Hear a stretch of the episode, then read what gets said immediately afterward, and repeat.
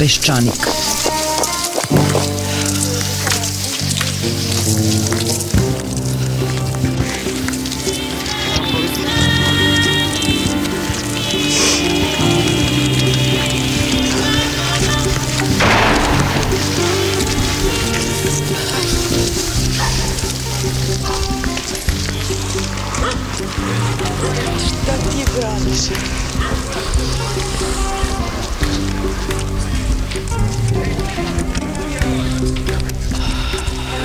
Peščanik.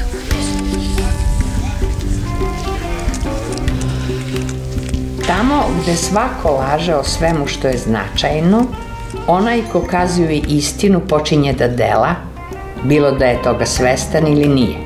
Tako se i on upliče u političku delatnost, jer u slučaju da preživi što nije sigurno, on započinje promenu sveta. I mi ćemo u današnjoj emisiji govoriti o ovoj neuspelnoj prodaji Smederevske železare, jer ona, nažalost, jako precizno pokazuje da imamo vlast, to jest Vučića koji, bez obzira što je globtroter, ne razume najbolje svet u kome živi. I misli da mu nekoliko dobrih ocena na pravnom fakultetu garantuju da se razume u sve. U proizvodnju čelika, plagijate, u futbal, a da ne pomenjem mikrobiologiju i nanotehnologiju. Kaže kako je molio tog Esmarka, kako se borio sa njim kao lav i izgubio bitku, ali ne i rat. I prelazi na plan B. I odmah danas je objavljen javni poziv za izbor profesionalnog menadžmenta koji bi narednih meseci upravljao našom željkom.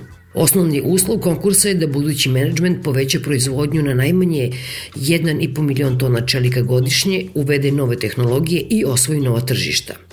Nažalost, najbolji kandidati na koje u stvari misli naš premijer, a to su Nikolas Flamel, Paracelsus i Tiho Brahe, opravdano su sprečeni da se jave na ovaj konkurs, naime umrli su pre nekoliko vekova, a njihova nauka, alhemija umeđu vremenu nije uspela da se dokopa kamena mudrosti koji bi metal pretvarao u zlato, srebro ili makar u čelične limove. Cela ova drama zbog koje nedeljama ne spava ni premijer, ni Smederevo, ni Srbija, sudeći po ovim nerazumnim uslovima iz plana B, pokazuje da je zapravo Vučićev osnovni pokretač u ratu za Željku bio da svima koji ga gledaju, a gleda ga naravno ceo svet, pokaže kako je on lično savladao najradikalniju granu alhemije, takozvanu veliku veštinu, ars magnu, što uprošćeno znači da alhemičar želi da samoga sebe transformiše u neku vrstu svemoćnog bića. Paljanje druge visoke peći u Smederevu bio bi samo sporedni efekat. U današnjem Peščaniku oslušat ćete ekonomske novinare Mija Talakićevića i Mišu Brkića koji su mesecima unazad pisali i govorili da je ovaj način prodaje Smederevske železare nemoguća misija. Najpre Mija Talakićević. Mislim da bi ipak u ovom razgovoru na početku trebalo podsjetiti na to šta je železar, odnosno kakva je ta firma. Dakle, da je to preduzeće koje od samog početka ne funkcioniše kako treba, odnosno od samog početka pravi gubitke. Mislim da opet tu treba da se ponovi da je u startu, znači kad se govori o železari, kad se govori o industriji čelika, ona mora da bude ili na rudniku uglja ili na rudniku gvožđa. U ovom našem slučaju to nije slučaj. Dakle, i tada je bila neka konstrukcija, bila ideja da se nabavlja ruda iz Brazila, da se dobija jeftini koks, mi smo tu imali neke koksare, međutim, ni tada to nije funkcionisalo. Dakle, A to, prosto, to politička fabrika, ono što se zvali socijalizmom politička fabrika. Tada je bilo neko, neko prosto kao pravilo, svaka republika mora da ima rafineriju, svaka republika mora da ima železaru. To je bio danak tom, da kažem, nekom socijalističkom shvatanju ekonomije gde je teška industrija bila osnova razvoja, pa su svi mislili da moraju prvo da imaju, da imaju tešku industriju, pa onda na tome prerađivačku i tako dalje. To je tada još i moglo da imamo nekog rezona, ali danas sa ovako povezanom privredom to je sigurno davno prošlo vreme. Jer imamo situaciju da železara takva kakva je ne može da funkcioniše. Ona može da funkcioniše samo u vremenskim razdobljima kada je cena čelika visoka na svetskom tržištu. I to je bilo u ono vreme kada je US Steel kupio, oni su tada je bila, da, ona, cena je bila visoka i oni su tada radili sa profitom. Kada je cena čelika pala, US Steel je pravio gubitke, Oni su očigledno pravili neke procene da li kako će da se kreće u buduće cena čelika na svetskom tržištu.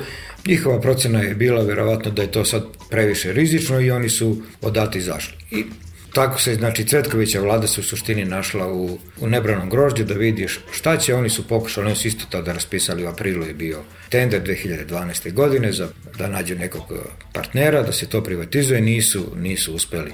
Ajde da sad napravim jedan skok i da, da ne dužim povo na ovo današnje vreme. Šta ja mislim da je bilo, da je tu bilo ključno mi smo videli otprilike kao do dogovora nije došlo zato što se nisu razumeli neki, oko nekih 15 miliona evra vrednosti minimalnog obrtnog kapitala.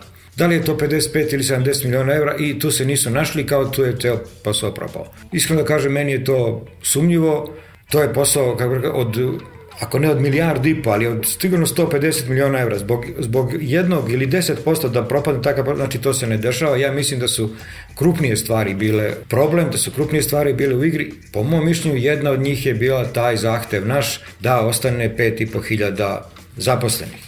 Znači, emo, on, imamo na dva problema. Nema uglja, nema gvožđa, a morate da držite 5.500 zaposlenih. Ja mislim da to da se ti zahtevi bili takvi da zapravo niko ovaj u to nije kažem smeo da uđe i da je to suština zašto je ovaj posao propao. Ja mislim da je propao zato što je loše vođen, zato što su loše vođeni pregovori. Zato što smo mi u startu priznali da smo u problemu. Kad se na sve to još nadovežu globalni uslovi, onda je bilo jasno da posao ne može da uspe. Kriza na svetskom tržištu čelika je činjenica. Naročito u oblastima u kojima železara Smederevo proizvodi čelik, to je građevinarstvo. S druge strane, postoji jedna vrsta globalizacije u industriji čelika. Nekoliko velikih kompanija preuzima većinu železara. Sve lokalne železare ne mogu da opstanu. To se već dogodilo u nekim oblastima, u duvanskoj industriji. Recimo, Pre mesec dana je tvornica duvana Rovinj.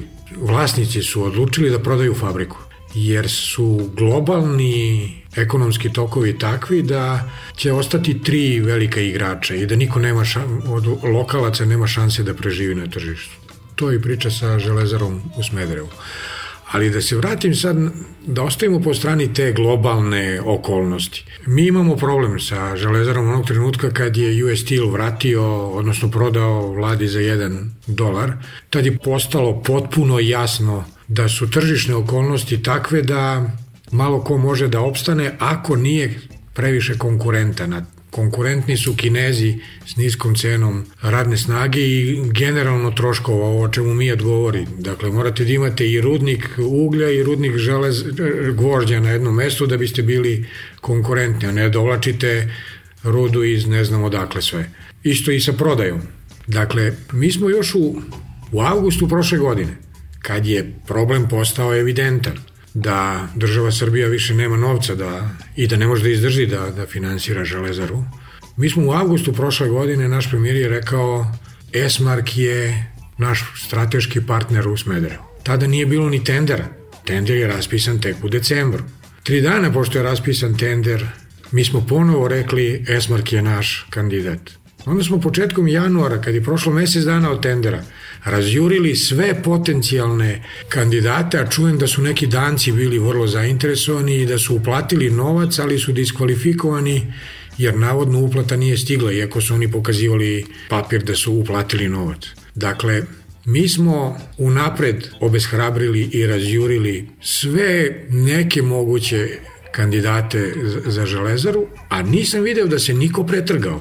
Iako je bilo priča ono zvezde istoka, crvene zore i ostalo dolaze iz Rusije i Ukrajine samo što ne kupe železaru, na tenderu u suštini nije bilo nikog. Javio se Esmark iz prostog razloga jer su ljudi koji vode tu porodičnu kompaniju shvatili da su oni nama slamka spasa. Mi sve vreme favorizujemo kompaniju s kojoj hoćemo da utrapimo železaru. Informacije koje sam ja imao iz uh, krugova pregovarača su mi sugerisali da pre 10 dana nego što je objavljena vest da, su, da je tender propao, ljudi su mi rekli slobodno objavi vest da neće biti ništa od prodaje železare. Esmark nije hteo da odustane od tri stvari. Jedna je, nije hteo da se obaveže da zadrži 5.500 radnika. Nijedna firma čeličana s toliko radnika i s ovakvim programom ne može da, da, da bude profitabilna. Drugo, nije hteo da pristane da se obavezuje ni na kakve rokove, što je američki ambasador jednom vrlo jasno i rekao Dakle, tržište je takvo da niko ni na ne može da se obaveže. I to nije samo u čeličarskoj industriji, to je svuda tako. I niko normalno ne može ni na da se danas obaveže na duže od godinu dana.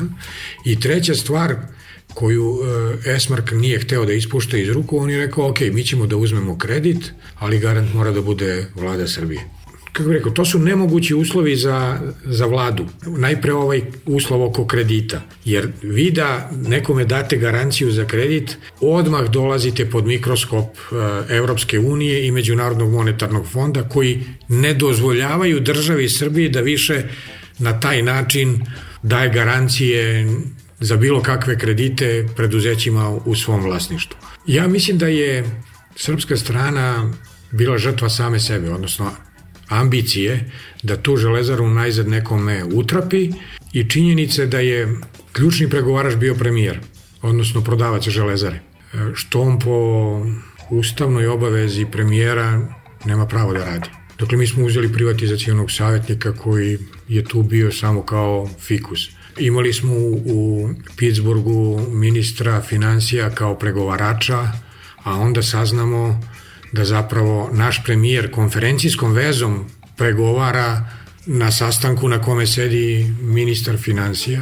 Čini mi se da je premijer postao žrtva vlastite ambicije da, da proda železaru i da pokaže građanstvu, biračima i svojim članovima svoje stranke kako je on uspešan i kao, kao biznismen. Nažalost, ispostavilo se da on ne ume da radi taj posao i on je svoju, dobar deo svoje političke sudbine vezao za, za tu železaru i kad je sve to propalo, onda mi izlazimo s tim planom B i dalje ostaje 5.500 radnika, e sad ćemo da nađemo menadžment, najbolji svetski menadžment, ali opet ostaju neodgovorena pitanja. A ako ti kupuješ najboljeg na svetu, taj košta. Mnogo košta. Ja mislim da najbolji u čeličarskoj industriji na planeti Zemlji Mijetel vredi jedno milion i po dolara mesečne plate. Dakle, taj bez, bez 10 miliona neće razgovara godišnje. Ko će njemu da da platu? Vlada Srbije. Odakle? Sme li to da radi? Da li će onda se naplati iz profita? Iz kog profita? Ako firma posluje, posluje negativno. Dakle, vaša vlada kaže nama treba svetski menadžer koji zna da kupuje sirovine i da prodaje čelik na drugim tržištima. S čelikom je kao sa cementom. Kad ga proizvedeš, neisplativo je da ga vučeš u Kinu. I cement isto. Dakle, postoji računica koja kaže, ne znam, 100-200 km u prečniku je profitabilno prodavati čelik. Sve dalje od toga je neisplativo.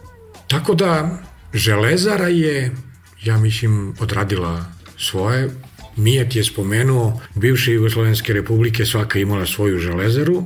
To je od Slovenije do Makedonije gotovo sve pozatvorano ili svedeno na tako male razmere, to je ono zadovoljava tu tržište u regionu, ali ima sasvim drugačije vrste, koliko znam, ona u Makedoniji radi, radi čelik za brodogradnju, za, za hrvatska brodogradilišta. Železara u Zenici je na minimumu minimuma, od tamo izašao Mital koji je nešto bio ušao. U Crnoj Gori je skoro zatvorena, Slovenci su zatvorili, Hrvati onu železaru na Jadranskoj obali su takođe zatvorili. Toga više nema i ja mislim da je trenutak s kojim će naš politički vrh morati da se suoči tu negde do leta, da kaže sa ovom železarom. Ja bar ne vidim da ima rešenja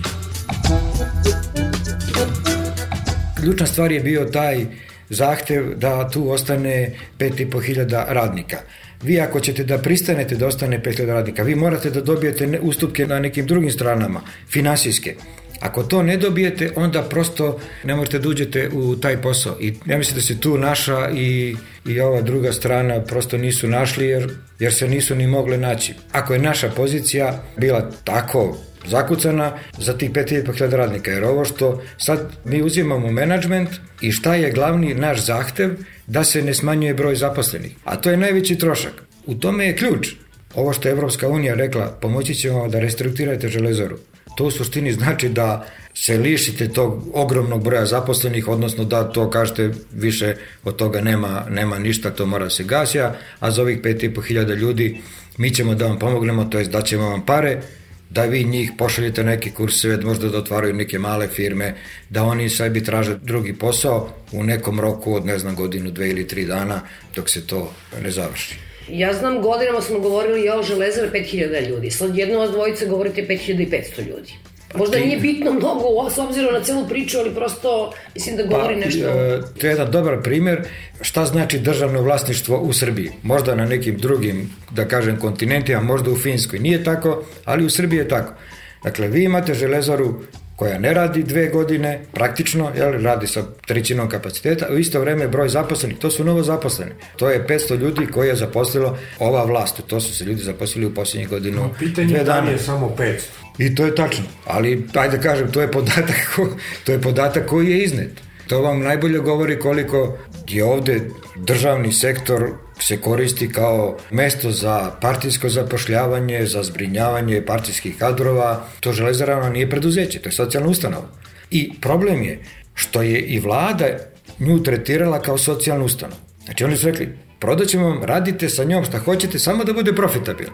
Ne, nego prvo da tu bude zaposlenih, pa još i oni, ja to ne znam ni zašto, ne mogu da objasnim, Esmark potpiše kolektivni ugovor sa radnicima, ne znam ni kako mogu da potpišu kad nisu vlastici, nemaju nikako, ali bi se to sve, da kažem, neki način samo ilustracija tog, e, blago rečeno, socijal populizma koji vlada ovde. Ta tema broja zaposlenih u državnim firmama, to će se videti još bolje kad država bude prodavala Telekom. Onaj ko kupi Telekom, Vidjet ćemo, živi bili pa videli, koliko će da zadrži radnika. Koliko je tamo umeđu vremenu naprimano raznih ljudi. Evo da potkrepim ovo što Miša kaže dok on ne stigne ovim brojevima.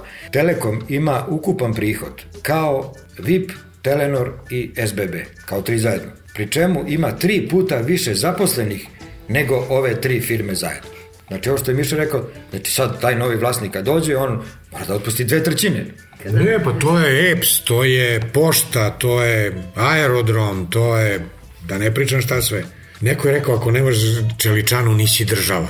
Kao što su i rekli, ako nemaš avio kompaniju, nisi država. Što nisi? Koliko država na svetu, ozbiljnih država, nema avio kompaniju i nema železaru. I uspešne su države.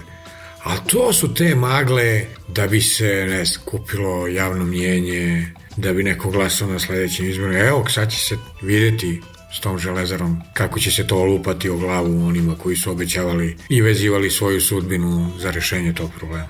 Moram da te razočaram. Ja mislim da oni nisu vezali sudbinu za železaru i mislim da će se železara možda i ugasiti, ali da se oni neće ugasiti. Ja bih volao da si u pravu, da su vezali, ali ne čini mi se da će to biti povezano. Ali još samo jedna stvar oko ovoga, znači što kaže Miša, oko ta teška industrija, pa industrija, čelik i to. Šta je sad ovde problem?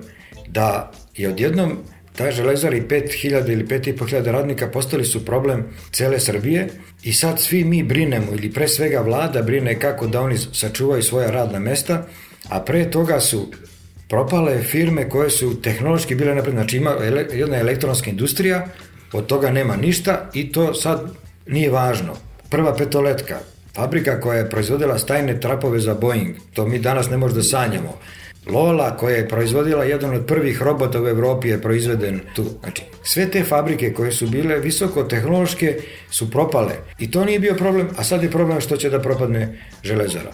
Mi danas možemo da napravimo i ima ljudi koji bi mogli da se bave visokim tehnologijama, visokim tehnološkim proizvodima. Ali, znate šta, ako vi imate, ako vi morate da date svake godine 100, 200 ili 300 miliona da bacite u bunar, Znači, 300 miliona ima marlje za te ljude koji su mozak. I mi mesto da plaćamo mozgove, a svi pričamo o tome da bi trebalo da se plaćaju mozgovi, mi još uzimamo od mozgova i dajemo to fizikalcima.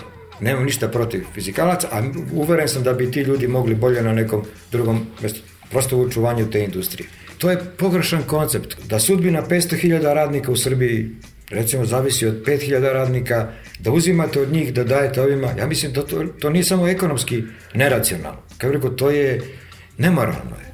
Nemoralno. Zašto bi se uzimalo jednima, a, a davalo drugima? kada smo mi kupili železar od US Steel za 1 dolar, šta smo mi nasledili? Smo nasledili dugove, smo nasledili čist, čiste račune. I... Čistu železaru, koliko ja znam.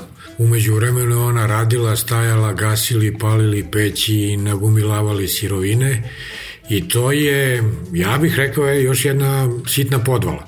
Pravo bogatstvo je to što ima 170 miliona evra u sirovinama. Super. Je to jedini trošak koji će železara imati ako bude radila? Dakle, sirovine. Pa pošto smo ih kupili, onda znači nećemo imati nikakvih drugih troškova. A onda se kaže da bi železara radila s tim kupljenim sirovinama, do kraja godine joj treba 900 miliona evra ili gotovo milijarda, koju, pošto je nema nigde, to bi trebala vlada da obezbedi. Sad onda premijer kaže, ali mi više ne, ne smemo da dozvolimo da cure pare iz budžeta u železaru. I sad, to je alhemija. Ti kažeš, železara mora da radi. Ima rezerve sirovina, zalihe, i dovešćemo menadžment. I šta onda? I gde da nađeš još 900 miliona? Ili će taj menadžment negde da nađe? Ko će da se zaduži? Ko će železari da da kredit? Ja ne vidim da neko hoće. A i ako da, mora garantuje vlada da izda garancije. Vlada ne sme da izdaje garancije. Vlada ne sme da daje pare iz budžeta. I on kaže, pomoći će nam Evropska unija da da pare za rad železare. Neće. Evropska unija je rekla, mi jedino što hoćemo da vam pomognemo u restrukturiranju. To prevedeno na jezik svih dosadašnjih restrukturiranja znači da bi Srbija mogla od Svetske banke ili Evropske banke za obnovu i razvoj da dobije kredit iz koga će isplatiti otpremnine za jedno 4.500 radnika. Ta železara može da bude profitabilna ako u njoj ostane 700 radnika. 1000 do puna kap. A to je kao i priča sa, na konferenciji za štampu sa kritičarima koji su tvrdili da Srbija prodaje železaru zato što premijer i njegova stranka hoće da se utale. Ja sam pokušao da preturim svoju dokumentaciju, nema gde nisam tražio, da vidim gde su se oni javno oglasili. Nigde. To mi, znaš, liči na Alistera Campbella. On je rekao premijeru, ej, lepo bi bilo da malo spinujemo sa tu priču da bismo odvukli pažnju.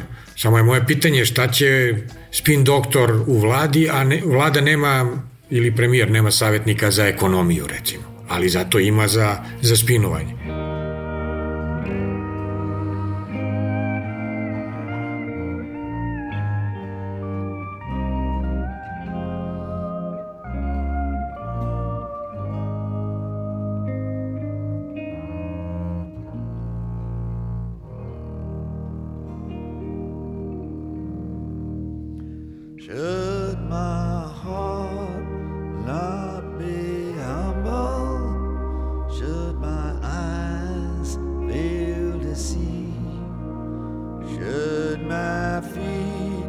sometimes stumble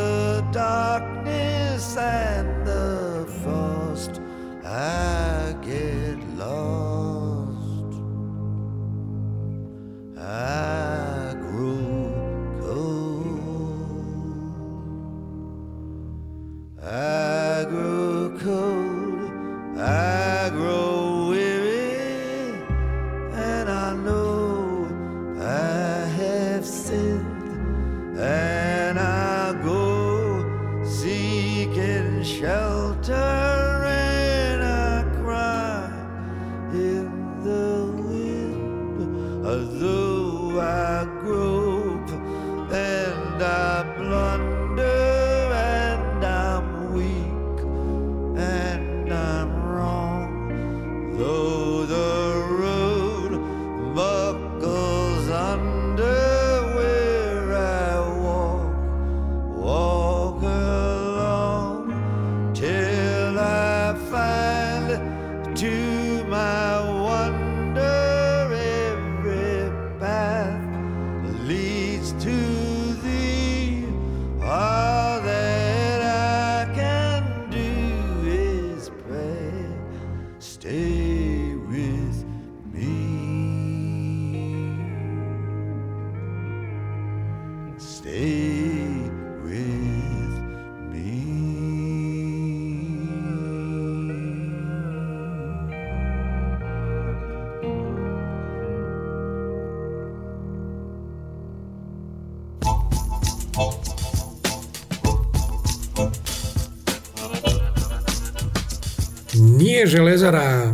Jedini slučaj koji vlada nakardno prodaje. Mi smo svedoci, evo skoro će godinu dana, kako se ovde sve prodaje tako, na dogovor.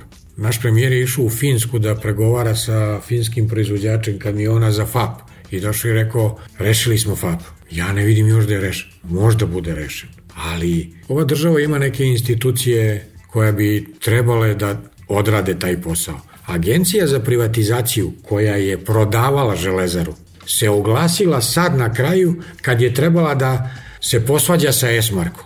Kao da se Srpska napredna stranka svađa sa demokratama. Sad ću ja tebi da pokažem, lažeš ti i mi smo u pravu. Ej bre, do juče si tog Esmarka i Bušara držao kao spasioca i ne znam ono, vanzemaljsko biće i sad kad je sve propalo, sad ću ja tebi da pokažem ovako jedna vašarska svađa, bespotrebna svađa. Pogotovo što je iz Pittsburgha stiglo jedno uglađeno saopštenje, nama je krivo, mi ostajemo i dalje zainteresovani, želimo vam sve najbolje ako nastavite sami. I onda ovi magarci izađu i kao, va, va, va, va, sad ćemo mi vas da ujedemo za, za butinu, da vidite vi ko smo mi. Mi smo Srpska napredna stranka, ne možete vi s nama tako da razgovarate, ko što ste razgovarali s demokratama. Ima još mnogo preduzeća za koje je po zakonu zadužena agencija za, za privatizaciju. Ili ako već angažuješ privatizacijonog savjetnika, onda pusti on da bude taj koji će da pregovara i onda ti taj privatizacioni savjetnik na konferenciji za štampu gde ti kažeš imamo u železari bogatstvo, taj privatizacioni savjetnik ti kaže pa znamo mi da železara ništa ne vredi, to znaju i Amerikanci i zato su ovako visoko podigli lestvicu sa svojim zahtevima. Privatizacioni savjetnik kaže da to ništa ne vredi. I ti u takvim okolnostima kažeš dobro, ne vredi, ali svi radnici moraju da ostanu na broju.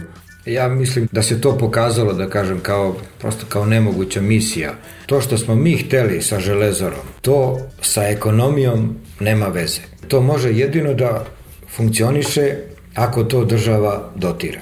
Ako država to ne može da dotira, bilo zato što više nema para, kao što ove godine nisu ni predviđene dotacije u budžetu, ne možemo to da uradimo zbog sporazuma o stabilizaciji sa Evropskom unijom, jer od 1. februara to pravo više nemamo. Ne možemo ni zbog aranžmana sa Međunarodnim monetarnim fondom, tu su vam u velikoj meri vezane ruke.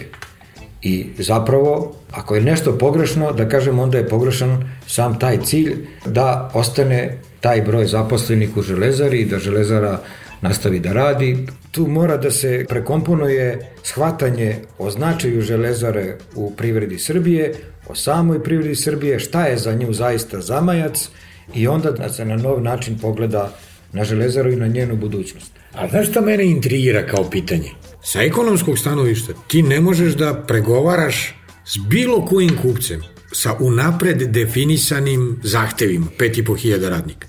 Što je premijer ušao u te pregovore? Kad je znao da to ekonomski nije moguće.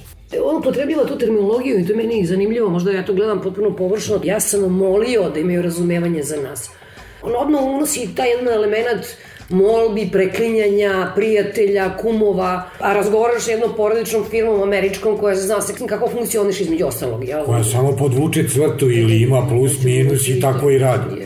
Nemam za to objašnjenje, hoću da kažem da mi se čini, to je premijerovo politički habitus, on prosto tako deluje, on u politiku unosi mnogo lično. Mislim da je to na neki način kontraproduktivno jer prosto zaoštrava atmosferu, nekako radikalizuje, vraćamo se u neka vremena ovih izdajnika, jer sad svako, jel, ko ne podržava vladu ili, ili nešto kaže protiv rada državnih činovnika, ili ne protiv države, nego državnih službenika, bilo da su u policiji, u vojci, gde god da su, on sad ispada, kako rekao, izdajnik i narodni neprijatelj. Znaš šta mene zabrinjava? Da li je neko iz vlasti? Tamo ima ozbiljnih ljudi, nisu svi priučeni. Da li je javno rekao ili tajno premijer, pa premijer to prihvatio? Ej, to što mi tražimo, to je nemoguća misija. Da li je Dušan Vujović izašao i rekao ljudi, ne može pet i po hiljada radnika ne može da doživotna ljubav Esmarka Srbije i Železare. Da li je neko od ekonomista u Srbiji, ozbiljnih ekonomskih analitičara, profesora, javno izašao od avgusta prošle godine, kad je vlada izrazila nameru da javno savetuje premijera i vladu, da kaže ajte da se ne ponašamo tako megalomanski sa tako velikim političkim ciljevima, populističkim ciljevima. Ajde da se ponašamo ekonomski racionalnije. Ajde da, kad je već situacija takva u svetu i kad nema kupaca, ajde da prilagodimo te naše želje. Ajde unapred da kažemo ljudima u Smederevu, ne mogu svi da ostanu. Dakle, da pripremiš javno mnjenje, stručnim argumentima. Zanimljiv je samo jedan detalj, ja mislim da će ljudi to voleti da čuju.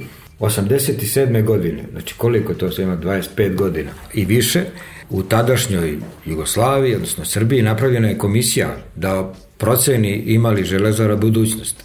U toj komisiji bio je Mirko Cvetković, mislim da je šef komisije bio Dušan Vujević. I naravno zaključak komisije je bio negativan.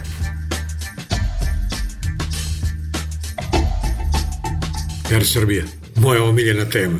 Isti je princip. Moj prijatelj će to da kupi. Ok, kupio je. Mi smo dobili, po rečima vlasti, najbolju aviokompaniju u regionu, a bit će i najbolja u Evropi. A onda s vremena na vreme saznaš neki podatak koji govori o tome da ta kompanija ne da nije najbolja, nego je dobra zato što država tamo ulaže pare. Pa tako saznaš u tom sporazumu koji smo mi napravili za Air Srbiju kaže Air Srbija će kupovati od NISA. NIS je poludržavna firma. Air Srbija može da kupuje gorivo koje je do 50% jeftinije od tržišne cene. To do 50% znači možda bude i 1% od tržišne cene.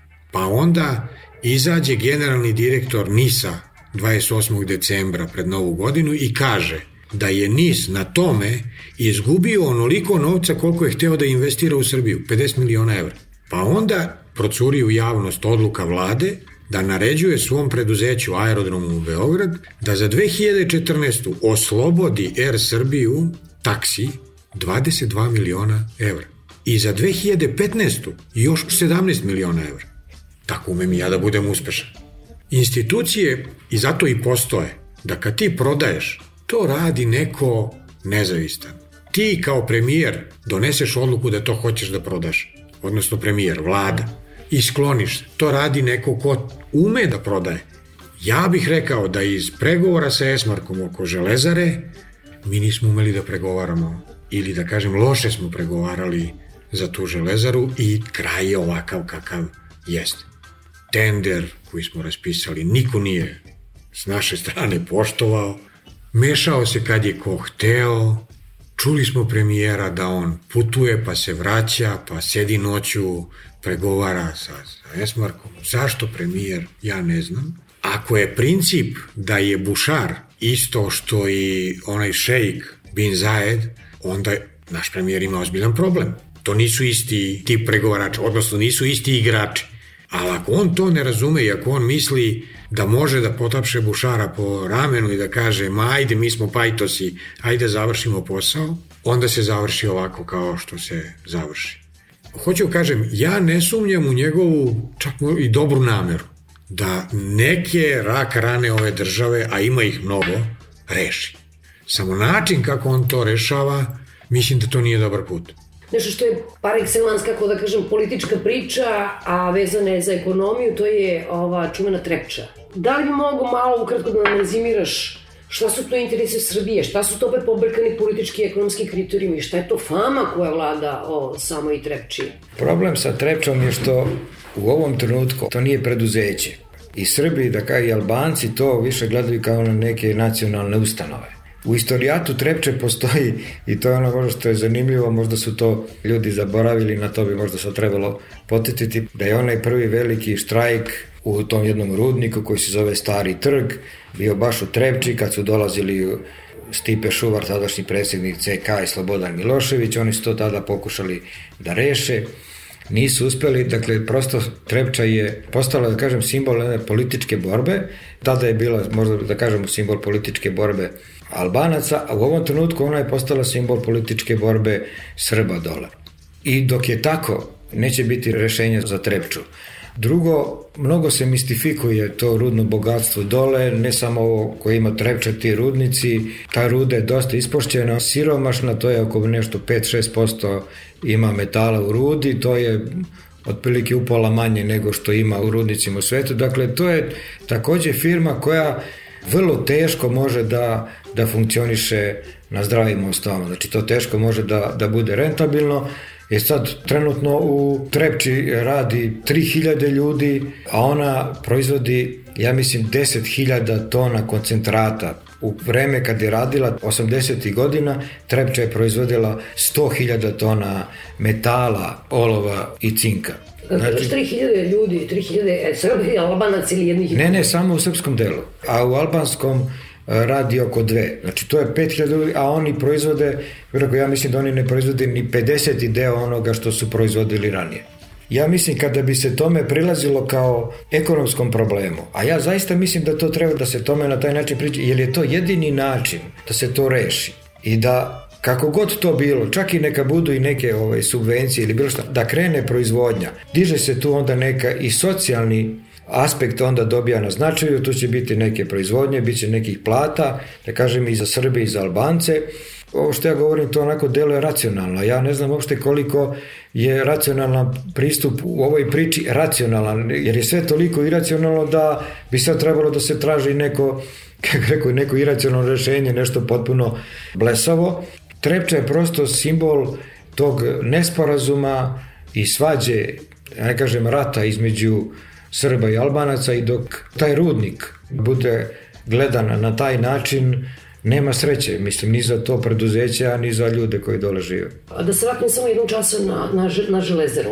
Pominjeni ste jedan i drugi uslove Europske unije, odnosno ove pregovore sa Međunarodnim monetarnim fondom. Kako ovaj rezultat pregovora sa Esvarkom može da utiče na eventualno nove aranžman sa MMF-om ili sa Evropskom unijom. Šta je to što mi nikako ne smemo da uradimo kada je železar u pitanju? U budžetu nisu predviđene dotacije za železaru. Dakle, sa te strane, formalno gledajući, nema nikakvih prepreka za potpisivanje sporazuma i za aranžman sa MMF-om. Premijer je to i rekao, zato je bio i tako siguran. Ja sam razgovarao takođe sa nekim ljudima umeđu vremenu. Oni ne očekaju da će biti problema zato što se smatra da će oni gledati, da kažem sad, samo papire. Znači toga u, prosto u budžetu nema i oni kažu, ok, kako će sad Srbija dalje sa tim da se nosi sa tim? Da li će ona da nešto pokuša da ubacuje neke subvencije krišom ili ne? Ja to ne znam, nadam se da neće jer to ne može da prođe, a da se ne vidi, a onda će naravno, ja mislim da će onda MMF od, odmah odustati prekinuti sporazum, što bi bila zaista katastrofa. Jer to nama puno znači zbog našeg tog takozvanog kreditnog rejtinga, znači zbog uslova po kojima ćemo se zaduživati, a mi moramo da se zadužimo još nekoliko narednih godina. Ajde da posjetim i to prema poslednjoj procjeni Fiskalnog saveta od pre nekoliko dana. Naš javni dug će da raste sve do 2018. godine kada će dostići 82%. Znači mi moramo da se zadužujemo. Ono što moramo da uradimo to je da se zadužujemo jeftinije, koliko je moguće. A bez sporazuma sa MMF-om to neće moći, a sporazuma sa MMF-om neće biti ako bude Srbija na bilo koji način dotirala železaru, To ne smemo da radimo ni zbog e, sporazuma o stabilizaciji sa Evropskom unijom. To od 1. februara isteklo nam je to mogućnost, imali smo to 5 godina, to više nema. Da li će se sad Evropska unija tu nešto malo predomisliti pa da nam ne učini neki ustupak, ne znam, ne verujem, a mislim da i kad bi ona to uradila da mi to ne bi trebalo da tražimo, da mi ne bi trebalo to da prihvatimo, u smislu da se nastavi ovako dalje da se radi. Za neko, ono što smo pričali, za neko restrukturiranje da, ali ovako ne. Pa rekla je ova kontroverzna port parolka Maja Kocijančić, nema Evropska unija ne dozvoljava. Tu nam neće progledati kroz prste sigurno. Postoje već brojne presude evropskih sudova na temu subvencija država od Grčke do Španije. Plaćali su velike kazne za subvencije raznim oblastima privrede, od avio saobraćaja do metalne industrije. I svi su morali da plate kazne. Ne, kako rekao, nemoguće. S tog stanovišta je pozicija naše vlade nemoguće. To ni čarobni štapić ne može, ni zlatna ribica to ne može da reši, ni ne znam, čarobnjak Aladin to ne može da reši. Dakle, ti s jedne strane imaš obećanje da će svi da ostanu i da će železara da radi, da će do kraja godine da se upali i druga peć i da proizvodi milion i 700 hiljada, iako je obećavano i 2 i 200. I s druge strane imaš zahtev da ne možeš da finansiraš tu proizvodnju. Pitanje je ko će da finansira proizvodnju. To je pitanje od milion dolara. Dakle, ako ima neki tajni financijer, neki bogati ujak iz Amerike, neki tajni fondovi, neke oprane pare, daleko bilo. Kad se na to pitanje odgovori ko je financijer proizvodnje do kraja ove godine, spaljenjem i druge peći, onda ćemo znati sve detalje. To, da li će menadžment da bude Mijat Lakićević ili Miša Brkić ili ne znam, John Gudiš koji je vodio železaru US Steel-a u, u Košicama ili ne, onaj Srma što je tamo vodio železaru u Pittsburghu, to je nebitno. Samo je bitno ko će da pare. To kad oni govore, ja ću, mi ćemo da odrešimo kesu i da platimo najboljeg stručnjaka. To je meni liči kako bi rekao, znaš šta, sad ćemo da zovemo Murinja ili Fergusona da vode reprezentaciju, a nemaš ni stative, nemaš ni loptu, nemaš ni travu, nemaš da, ništa. sa željom da reprezentacija osvoji kup Žila Rimea, dakle da postane svetski prvak. Sa ekipom koju imaš koja ne može da se kvalifikuje za evropsko prvenstvo. Meni ta priča sa menadžmentom, To je B, ovaj visoko plan. stručnim, da, taj plan B, meni to deluje prosto kao kupovina vremena i kao odlaganje trenutka kada će se ljudima reći ovako više ne ide, moramo da gasimo. Ja iskreno rečeno ne verujem da bilo ko ozbiljno misli da će sad neki menadžment da reši probleme železare, jer da je moglo, rešio bi US Steel-ov, rešio bi Esmarkov, na kraju to je taj isti menadžment, jel? Znači nije tu stvar u, u menadžerima, stvar je u bazičnim nedostacima železare, u stanju na tržištu i u tome da železara da bi opstala i da bi radila, da bi bilo šta od nje bilo eventualno, ne može da ostane ovako u, u suštini nikako, jer ne može da se takmiči sa kinezima. Dakle, kao što sa kinezima ne može da se takmičimo preko u proizvodnji tekstila, to su tamo ogromni kapaciteti, a radna snaga jeftina. Čovjek koji je učestvovao u pregovorima. Pregovori su počeli 27. januara, oni završni pregovori. 10 dana poslije toga, početkom februara, 7. februara, čovjek koji je učestvovao na neki način tim pregovorima rekao pozicije su definisane i nepomirljive su. Odluka je doneta. Sve posle toga je kupovina vremena.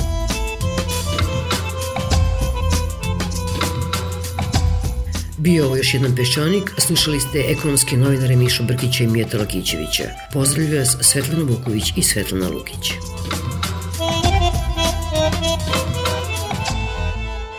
Peščanik.